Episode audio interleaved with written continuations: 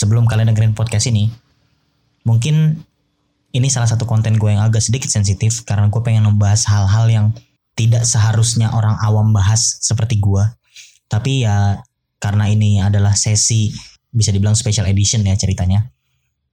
Di momen-momen akhir tahun, jadi gue bakal keluarin semua unek-unek gue dan unek-unek netizen-netizen yang gue kumpulkan lah di sosial media gitu loh. Jadi buat kalian yang kurang bisa menerima hal-hal yang berbau eksplisit, politik, ya apa pun itu. Lebih tepatnya buat kalian yang orangnya adalah gampang tersindir lah ya. Please jangan dengerin podcast ini. Cukup sampai di sini. Matikan dan dengarkan episode gue yang lain. Terima kasih. Oke, bismillahirrahmanirrahim. Assalamualaikum warahmatullahi wabarakatuh. Balik lagi bersama gue di podcast Sekedar Isi Hati dan kali ini gue ingin bikin podcast edisi special edition ya bisa dibilang edisi spesial di momen-momen akhir tahun gitu loh. Jadi uh, bisa dibilang di podcast yang special edition ini gue lebih sedikit apa ya nggak sedikit sih. Sebenarnya gue pengen banyak banget bercerita tentang apa sih yang udah terjadi setahun ini gitu. Apa yang terjadi terhadap diri gue ya dan terjadi juga kepada Indonesia ya dan masyarakat masyarakat masyarakat kita gitu loh. Karena gini coy yang gue amatin itu banyak dari kita itu yang sebenarnya gak peduli dengan apa yang terjadi dengan Indonesia. Ya it's okay lalu gak peduli sama gue nggak apa-apa. Mungkin lu juga nggak kenal siapa gue ya lu nggak tahu juga siapa gue tapi kalau lu nggak peduli sama Indonesia itu aduh sama aja lu nggak peduli coy sama para pahlawan yang udah bersusah payah membela negeri ini dari tangan-tangan penjajah-penjajah bengis. Di edisi spesial ini di edisi akhir tahun ini itu tuh apa ya bisa bilang ini tuh sebagai penutup podcast gue di akhir tahun ini ya itu banyak hal yang emang sudah terjadi di negara kita gitu loh. Dan mungkin terjadi juga di kehidupan kita apalagi semenjak covid ini menyerang gitu. Covid itu menyerang setahu gue itu uh, Februari ya. Februari itu sebenarnya gubernur kita Bapak Anies Baswedan itu sudah mengirim sampelnya. Udah mengirim sampel covid ya maksudnya. Tapi sama Menkes ditolak.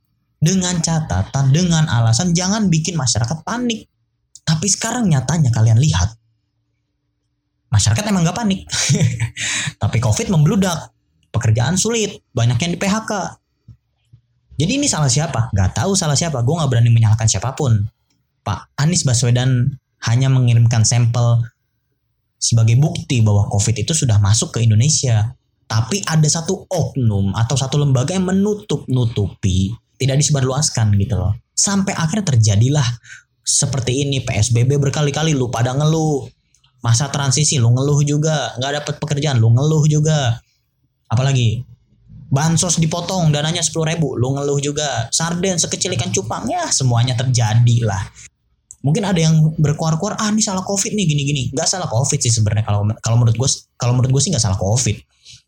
Kalau seandainya pemerintah kita dan kita juga kita pribadi juga lebih teratur lebih disiplin kita mau menerapkan apa yang pemimpin kita katakan khususnya apa yang khusus warga DKI ya apa yang ditetapkan oleh Pemprov DKI untuk memakai masker, jaga jarak, hand sanitizer semuanya itu sebenarnya kita bisa untuk apa ya istilahnya kita bisa menekan virus itu supaya tidak membludak. Tapi nyatanya apa coy? Banyak orang yang ah udahlah covid apa sih covid gitu loh.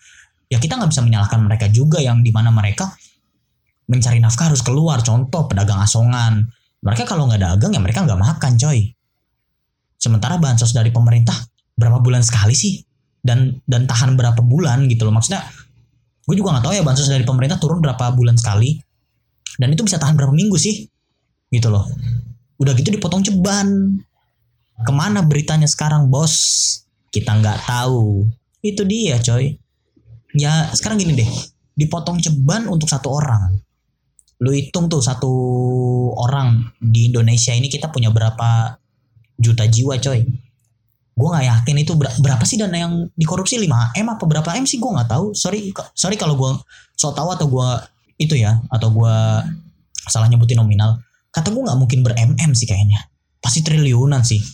Kalau satu orang aja ceban gitu loh. Ya ibaratnya gini deh. Lu korupsi ambil contoh gini deh. Ini ini contoh kecil jangan ditiru. Lu misalkan diamanahin jadi uh, ini deh jadi ketua kelas lu disuruh narikin uang kas sama wali kelas lu misalkan goceng Tapi lu bilang ke anak-anak 6 ribu nih. Ambillah anak-anak di kelas lu itu ada 50 orang. Jadi satu anak itu lu dapet seribu, dapet seceng. Berarti kalau di totalin lu dapet 50 ribu dong, bener nggak? Nah itu contohnya. Tapi bisa jadi yang ketahuan itu nggak mungkin 50 ribu. Mungkin bisa jadi yang ketahuan berapa?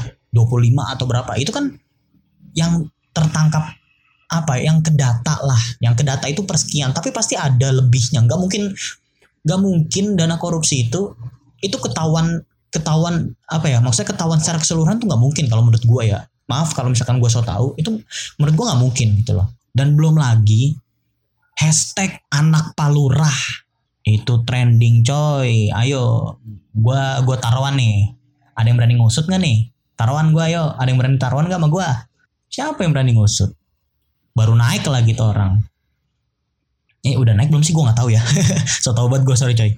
Ya begitu coy. Ini inilah negeri kita. Di sela-sela kita di sela-sela negeri lain sorry di saat-saat negeri lain itu lagi ngurusin covid ya lagi ngurusin psikopat ini. Tapi negeri kita tuh lucu.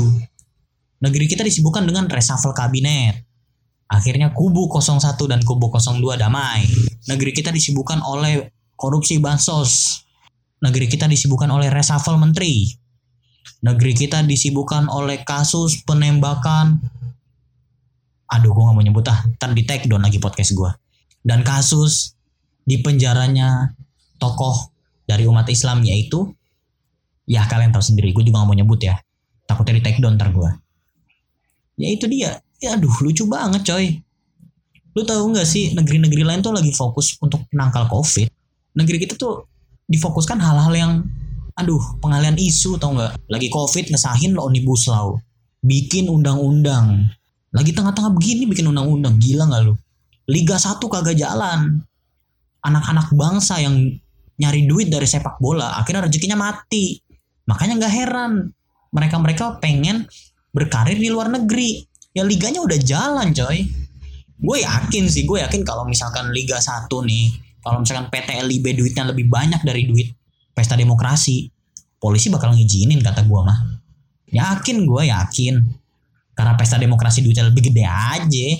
Apalagi ada backingan. Ya itulah salah satu keresahan gue terhadap negeri ini.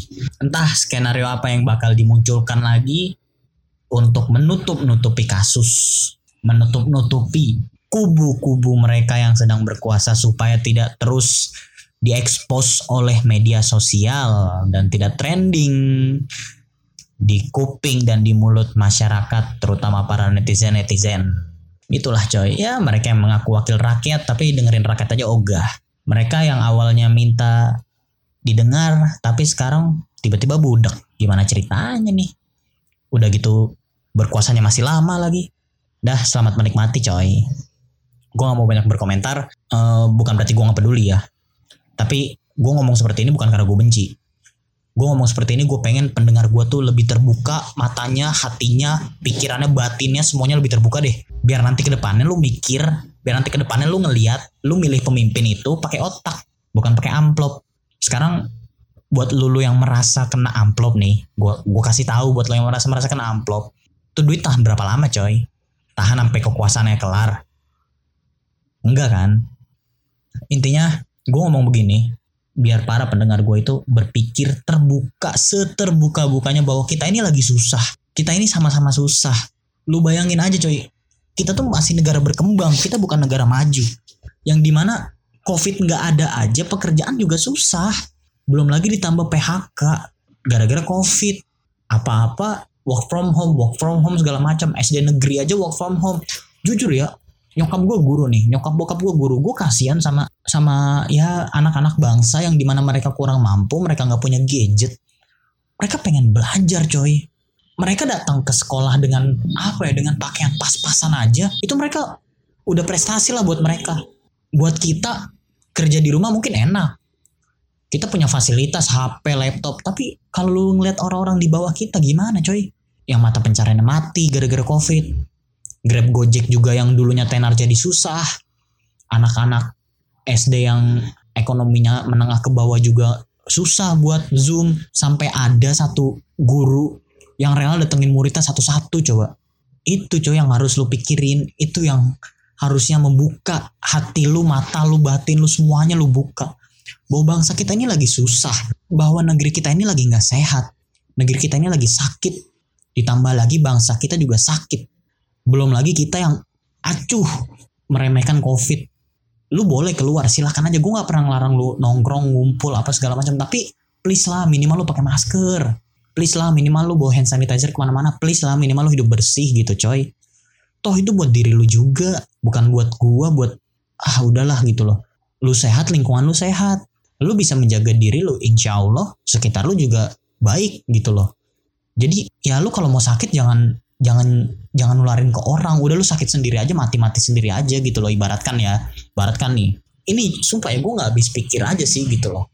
Gue nggak habis pikir aja. Bahkan di masjid-masjid juga masih ada aja orang yang ngelarang pakai masker gitu. Ya udahlah gue gue nggak mau ngebahas ini lebih lanjut ya.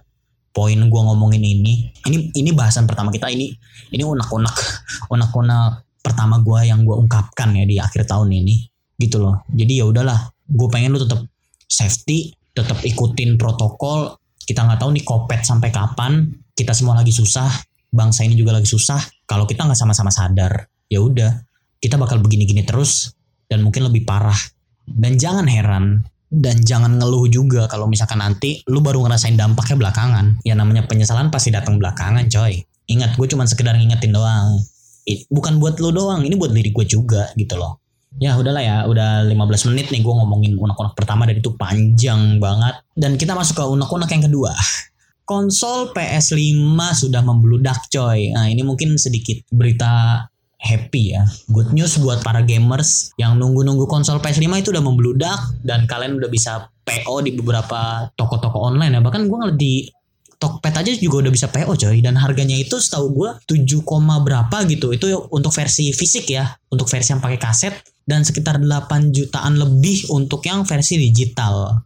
Ya buat kalian yang pencinta konsol terutama PlayStation ya yang ikutin dari zaman ke zaman, kalian bisa belilah ini gitu loh. Gua gua re gua rekomendasiin walaupun gua nggak pernah main, maksudnya walaupun gua nggak belum main ya, walaupun gua belum main PS5, gua rekomendasiin kalian buat beli. Mengapa? Karena ada beberapa game-game eksklusif PS yang emang itu nggak ada di PC. Gue sebenarnya pengguna PC. Uh, eh, gue kenapa milih PC karena ya gue bisa dibilang bukan orang kaya juga. Gue merasa PC itu memenuhi semua kebutuhan gue. Gue ngedit, gue bikin podcast ini, gue ngedit podcast semuanya itu bisa di PC gitu. Jadi kalau gue beli PS, ya PC gue nggak ada gitu loh uh, oke balik lagi kenapa gue merekomendasikan lu beli PS 5 karena bisa dibilang itu konsol konsol next gen ya lu beli itu tuh kelihatan gaul banget sih coy gue ngeliat sumpah gue ngeliat ngeliat review review youtuber youtuber yang beli itu tuh wah gila sih keren banget gitu dan setidaknya itu bisa menghiasi meja TV lu atau menghiasi ruang keluarga lu gitu dengan konsol PS5 ini ya yang harganya hampir menyentuh 10 juta. Tapi ada nih coy, calo-calo yang nimbun PS5 dijual harga 15 juta. Gila nggak lu? Gue nonton YouTube-nya siapa? Gadget In ya, yang David review itu. Gila coy, PS5 dijual 15 juta. Kalau gue pribadi mending beli laptop gaming. Swear dah lu beli laptop gaming pun 13 juta juga dapet gitu daripada lu beli PS 15 juta ya kalau gue ya kalau gue pribadi jujur kalau misalkan gue di, dikasih pilihan gue dikasih pilihan misalkan contoh uh, lu 15 juta mau ngapain ya gue beli laptop gaming daripada gue beli PS gitu. Ini ini pendapat gue aja ya. Lu nggak nggak apa namanya nggak sepemikiran sama gue ya nggak apa-apa it's okay. Gue merasa kenapa PC itu lebih worth it karena PC itu mencakup semua kebutuhan lu coy. Lu nugas bisa di PC lu ngedit bisa di PC, bikin podcast kayak gue bisa di PC. Ya pokoknya PC itu uh, apa ya bisa dibilang lu bisa berkarya dengan PC gitu loh, bukan cuma satu fungsi bermain game. Ya adalah yang bilang ke gue, tapi kan PS bisa Netflix, PS kan bisa drakor gini-gini. Iya, gue tahu. Tapi kalau misalkan gue tanya, PS bisa nggak ngedit? PS bisa nggak uh, apa namanya ngedit foto bikin Adobe Premiere gini-gini? Kan gak bisa gitu loh. Bahkan lo yang mau jadi gamer sekalipun lo beli PS mau gak mau lo kan ngeditnya harus di PC bener nggak? Nah itu dia. Mengapa gue lebih senang pakai PC atau pakai laptop? Ya but overall semua balik lagi ke diri lo masing-masing lah ya. Lu pengen beli PS dan lu mampu itu nggak memban- membebani diri lu dan tidak mengganggu ekonomi lu ya silahkan dibeli. Tapi ingat jangan pernah maksain sesuatu yang emang kita nggak sanggup untuk membelinya. Kenapa? Ingat coy apa yang kita beli itu amanah buat kita. Contoh lu misalkan beli PS padahal lu bukan orang kaya. Lu orangnya bisa bilang pas-pasan lah tapi lu maksa beli PS yang notabene harganya gede. Misalkan harganya ambillah harga PS5 8 juta lah ya. Lu beli PS5 lu harus beli TV yang LED yang gede buat menyokong uh, apa namanya tuh apa ya komponen PS-nya itu. Kan sekarang PS dari PS3 ya kalau nggak salah apa dari PS4 sih. Itu kan udah nggak bisa pakai TV tabung tuh jadi TV lo harus gede. Nah pertama lo harus beli TV belum lagi kalau misalkan PS lo rusak. Belum lagi ntar lo beli kasetnya. Kasetnya ini gue dikasih tau sama temen gue ya kaset PS5 tuh 2,5 juta coy. Gila nggak lo kaset PS5 2,5 2,5 juta. Lu bayangin lu beli 10 kaset udah bisa beli mahar buat nikah coy. Udah bisa gelar resepsi lu. Makanya kan jadi ya udahlah jangan jangan terlalu dipaksain kalau menurut gua. Beli apa yang lu mampu aja. Tuh kebahagiaan itu kan didapat bukan semata-mata lu punya PS kan. Kebahagiaan itu bisa di, lu dapetin di mana aja coy. Yang penting lu jalannya ikhlas dan happy. Dan yang paling penting lu nggak maksa nggak maksa untuk beli suatu hal yang emang lu nggak bisa gitu loh. Ya kita hidup realistis aja lah coy. Kita pengen sesuatu yang lebih ya kita berusaha juga berbuat yang lebih gitu. Kita berusaha juga melakukan yang lebih. Karena ada salah satu quotes salah seorang tokoh yang mungkin kita kenal yaitu Albert Einstein. Dia pernah bilang coy hanya orang gila yang ingin hasil lebih tapi dia kerja gitu-gitu aja. Cuman orang gila yang pengen gitu. Ya ibaratnya gini deh. Lu pengen dapat duit 10 juta per bulan tapi kerja lu gitu-gitu aja gitu loh. Ya jangan harap gitu loh. Kalau ada hal orang yang begitu apa gunanya peribahasa bersakit-sakit dahulu bersenang-senang kemudian? Nggak jadi jadi peribahasa itu jadi nggak berguna coy gitu loh. Sekalipun orang itu melakukan pesugihan tapi kan harus ada harga yang dibayar harus ada tumbal bener gak sih? Dan itu pun udah jelas diharamkan dilarang oleh agama gitu loh. Oke itu uh, good news ya, yaitu PS. PS 5 aduh gile gile. Gue kalau punya duit nih pengen beli coy, serius dah. Gue tuh gue tuh game bisa bilang gamers juga. Gue senang juga main PS cuman ya apalah daya gue cuma bisa main di rental ya. Tapi ya itu udah buat gue senang juga sih al alhamdulillah. Dan gue juga main PS paling apa sih? Main main FIFA doang gue gue juga nggak jago-jago amat main FIFA. Itu. Nah itu dia ngomongin soal konsol ya coy. Dan ya Oh iya, ini coy. Di sini lo ada yang yang udah nyobain Cyberpunk belum? Wah gila sih. Itu Cyberpunk gue ngelihat review-review juga udah bagus banget ya dari di YouTube YouTube dan segala macem apalagi kalau mainnya di PS5 itu wah itu udah goks banget sih gitu lah cuman ya apalah daya orang-orang kayak gue yang hanya bisa menikmati youtuber-youtuber mereview tapi gue pribadi juga nggak bisa main tapi ya it's okay lah ya gue juga nonton-nonton aja lah karena gue pribadi juga nggak ada device buat bermainnya juga gitu dan laptop gue juga nggak bisa buat main cyberpunk juga. Ya mau gimana lagi gitu. Oh ya mungkin ini jadi statement pengantar gue sebelum gue tutup. Uh, bukan statement sih apa ya? Bisa bilang ini uh, pembahasan terakhir gue sebelum gue tutup ya. Jadi gini coy. Ada satu pesan yang ingin gue sampaikan ke lu semua bahwa setiap tahun itu itu akan selalu ada kejadian yang emang kita nggak pernah tahu gitu loh. Ada satu kejadian yang memang di luar hal-hal yang kita rencanakan Contohnya ya COVID ini gitu loh. Lu yang punya rencana mau kuliah gini-gini dan segala macem tiba-tiba ada COVID tertunda semua. Ya gue gue pribadi ya gue pribadi juga karena covid kerjaan motret gue jadi banyak yang cancel karena covid kuliah gue ketunda juga. Karena covid banyak sekolah-sekolah yang dipulangin. Karena covid banyak acara-acara yang ketunda DWP aja online. Ya. Cuman ya gue nggak ngebahas masalah DWP juga sih ya. Gitu loh. Ya pokoknya sampai Liga 1 dan semua media-media hiburan lah terutama sepak bola ya buat kalian para pencinta sepak bola sama kayak gue itu tuh ketunda semua gitu loh gara-gara covid. Jadi maksud gue apa? Maksud gue kalian sebisa mungkin antisipasi atau kalian sebisa mungkin buat second plan lah bikin planning sebanyak-banyaknya kalau misalkan apa yang kalian rencanakan itu nggak sesuai dengan ekspektasi kalian oh kita kan juga nggak bisa serta merta nyuruh covid ini pergi dengan senak ya kan kan nggak bisa nggak bisa begitu juga kan gitu loh jadi maksud gue kalau misalkan tiba-tiba ada suatu kejadian atau suatu kehendak alam yang memang tidak bisa kita bantah. Ya mau nggak mau kita harus siap dan kita harus membuat planning selanjutnya gitu. Jangan sampai kita diam dan tidak bergerak karena salah satu kondisi kita mati tapi dalam keadaan kita bernyawa adalah kita tidak berkarya. Kita diam dan tidak memikirkan suatu rencana untuk menjalankan hari-hari kita ke depannya.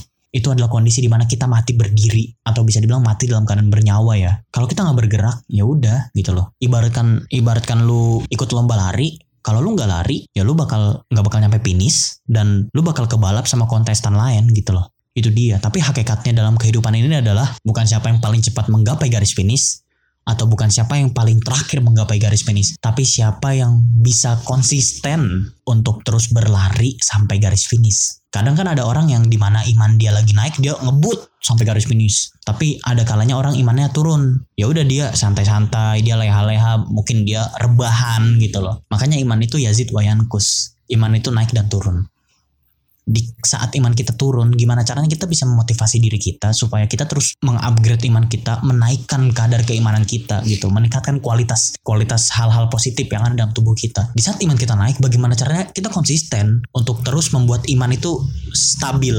Kalau terus kita upgrade itu lebih baik gitu loh. Tapi ingat semakin tinggi iman seseorang, semakin jago orang itu menstabilkan kadar keimanannya, maka ujian akan semakin banyak coy. Itu pasti. Bukan gue yang ngomong, siapa yang bilang? Allah ada dalam Al-Quran. Lu cek sendiri. Sesungguhnya Allah itu, uh, ini gue bacain diksinya aja ya. Uh, sesungguhnya Allah itu menguji kita itu karena ingin menguji apakah kita ini benar-benar orang beriman atau enggak gitu loh. Jadi jangan anggap lo itu dikasih ujian semata-mata karena Allah iseng. Enggak, enggak. Allah enggak begitu coy.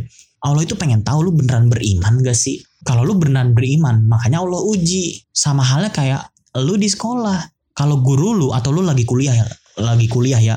Kalau guru lu selesai menyampaikan materi, tiba-tiba guru lu nanya, udah pernah ngerti semua anak-anak? Lu serentak jawab, ngerti bu. Ya udah besok ulangan ya. Nah itu dia, itu untuk menguji apakah lu beneran ngerti atau kagak gitu loh. Sama Allah juga begitu. Lu ngaku sekarang beriman, Allah bakal uji. Tapi tenang, di balik ujian itu ada selalu ada hikmah coy. Selalu ada hikmah di balik ujian. Yang penting syaratnya, lu nggak menutup mata hati lu dan lu nggak membuat diri lu terpuruk dalam ujian tersebut. Karena sejatinya seorang hamba itu diuji untuk mencari hikmah yang ada di balik ujian tersebut. Lu bisa mengambil hikmahnya, lu dapat bonus iman lu ke upgrade, lu dapat hikmah di balik hal itu. Dan lu dapat jalan keluar. Plus plusnya lagi lu dapat pahala gitu loh. Jadi di saat lu dihadapkan di kondisi yang sama ya lu bisa menjalani hal itu dengan suatu yang enjoy gitu loh. Dengan selalu lah gue udah pernah kayak gini gitu loh. Ya itulah itulah itulah hikmah dari kehidupan coy. Itulah perjalanan dari kehidupan. Selalu diuji gitu loh. Makanya ujian itu bukan untuk di apa bukan untuk di bawa lari. Ujian itu dihadapin. Lu bawa lari ujian atau lu menghindari ujian ya udahlah itu bakal makin numpuk, makin numpuk, makin numpuk, makin numpuk. Lu lewatin aja, lu hadapin. Slow. Inna Allah ma'ana. Allah selalu bersama kita coy. Ya balik lagi kayak yang tadi. Seorang guru ngasih lu kertas ulangan tapi habis itu guru itu ninggalin lu. Mau hasil lu jelek, mau hasil lu bagus, guru itu ninggalin lu. Kan gak mungkin. Lu jelek, ya lu dikasih remedial, dikasih bimbingan. Bener gak? Nilai lu bagus, ya lu dikasih ilmu baru sama guru lu di upgrade terus sama begitu lu terpuruk dalam suatu masalah Allah bakal bimbing lu Allah bakal ngasih jalan keluar ke lu asalkan lu minta lu berhasil melewati ujian itu Allah bakal upgrade iman lu Allah bakal kasih surprise buat lu. Itu dia coy. Jadi selalulah. Karena setiap manusia pasti diuji. Dan yang paling penting, satu, Allah itu nggak mungkin menguji hambanya di luar batas kemampuan seorang hamba. Itu dia. Jadi banyak hal yang udah kita lakuin di sisa-sisa atau di tahun 2020 ini. Ya suka dan duka kalian masing-masing lah yang melewatinya gitu mungkin banyak planning yang tidak terlaksana, yang gagal. Gue pribadi juga banyak planning yang tidak terlaksana. Tapi tenang, saat kita masih bernafas, kita masih bisa berzikir di esok hari. Itu tandanya Allah masih ngasih kesempatan kita untuk mengejar semua cita-cita, semua hal baik, semua amal perbuatan baik yang kita lakukan. Allah masih ngasih kesempatan buat kita coy. Jadi janganlah berputus asa. Ingat, jangan pernah berputus asa selagi matahari belum terbit di arah barat. Jangan berputus asa. Karena hidup itu, hidup itu yang tadi gue bilang ya, hidup itu masalah survive. Gak mesti cepet-cepetan sampai garis finish. Yang penting lu bisa istiqomah, lu bisa konsisten. Gitu loh. Dan ya menyambut tahun 2021, kita sama-sama berharap, kita sama-sama berdoa bahwa negeri kita itu dijadikan sebagai baldatun toyibatun ya negeri yang baik negeri yang di mana bisa menjadi contoh bagi negeri-negeri lain. Dan semoga virus-virus yang ada di negeri ini dan tikus-tikus yang ada di negeri ini itu keluar semua. Siapa sih yang nggak pengen bangsa kita maju? Siapa sih yang nggak pengen negeri kita sehat siapa sih yang nggak pengen negeri kita tentram damai makmur gitu kalau ada yang bilang negeri kita damai-damai aja kok iya damai emang negeri kita lagi nggak perang tapi kalau lu selidikin selidikin, lu lihat aja coba negeri kita konflik mulu. Perang kita tuh bukan pakai senjata sekarang, sosial media. Itu perang kita. Lu benci sama orang, lu tinggal mention dia di story atau lu mentionan dia di komen. Sekarang serba mudah lah ya gitu loh. Ya kita sama-sama berdoa juga untuk diri kita masing-masing. Semoga kita senantiasa selalu mendapatkan kesempatan untuk berbuat baik ya. Senantiasa mendapatkan kesempatan untuk menggapai mimpi-mimpi kita, menggapai semua hal-hal yang emang kita cita-citakan. Dan oh iya ada lagi nih coy. Beberapa minggu kemarin kan hari ibu tuh. Gue pengen negasin aja sih sedikit ya roasting buat gua apa buat gua dan buat siapa pun lah ya. Menurut gua hari ibu tuh tiap hari coy. Lu percuma mention-mention hari ibu, lu percuma story-story hari ibu. Cuman kok disuruh disuruh ibu aja susah gitu loh. Lu selfie-selfie sama ibu lu, tapi lu bantu-bantu ibu lu juga enggak gitu loh. Ya maksud gue bukan buat nyindir sih, cuman ya gue lebih menyadarkan lagi aja lah. Hari ibu tuh tiap hari gitu, jangan hanya terpaku ke satu hari aja. Itu prinsip gue. Lu mau terima silakan, gak mau terima ya udah gitu loh. Cuman ya itu tadi, soalnya ada kejadian di mana mau uh, tadi nyokap gue sempat bercanda ke gue. Beliau bilang mas, sekarang kan hari ibu. Uh, gue bilang aja ke beliau, enggak kok hari ibu mah tiap hari, enggak hari ini doang gitu.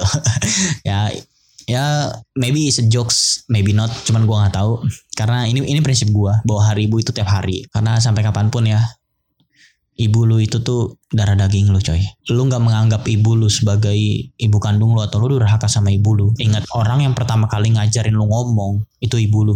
Darah daging lu. Daging lu, darah lu, otot lu semua kebentuk dari air, air asih ibu lu. Lu durhaka sama dia. Dia bisa minta balik semua itu dari lu. Karena lu tercipta, lu terbentuk sampai sekarang itu karena ibu lu coy. Dia rela ngorbanin dirinya demi nguarin lu dari perutnya, dari rahimnya, bahkan taruhannya nyawa. Tapi gimana jadinya kalau lu jadi anak yang durhaka gitu loh. Ya kita berdoalah buat kebaikan ibu kita masing-masing ya dan buat kalian para perempuan di luar sana dan calon-calon ibu, semoga kalian jadi ibu yang baik dan semoga kalian jadi ibu yang selalu dihormati anak cucu kalian, eh anak cucu kalian, dihormati keturunan-keturunan kalian. Ya statement penutup buat gue Semoga tahun 2021 menjadi tahun yang bersahabat buat kita untuk mewujudkan apa yang kita cita-citakan dan apa yang kita rencanakan. Tapi semua itu ingat, sekalipun rencana kita nggak terwujud, rencana Tuhan, rencana Allah pasti lebih baik. Oke, penutup. Mungkin episode ini penutup ya di podcast gua. Ingat penutup di tahun 2020. Kita ketemu lagi di tahun 2021. Semoga tahun itu bersahabat buat kita semua dan seperti biasa buat kalian yang pengen sharing yang pengen curhat yang pengen kolaps di podcast gue silahkan kalian bisa DM gue di Instagram di @kititik_shauki gue sangat terbuka buat kalian gue sangat open buat kalian buat kalian yang mungkin punya keresahan-keresahan kalian bisa curahkan juga nanti gue bacain di podcast gue Oke, okay, stay tune terus seperti biasa. Oke, okay, stay tune terus di podcast gue. Sampai ketemu lagi di next year di episode selanjutnya di edisi 2021. Oke, okay, gue pamit undur diri. Gue Syauki. Assalamualaikum warahmatullahi wabarakatuh.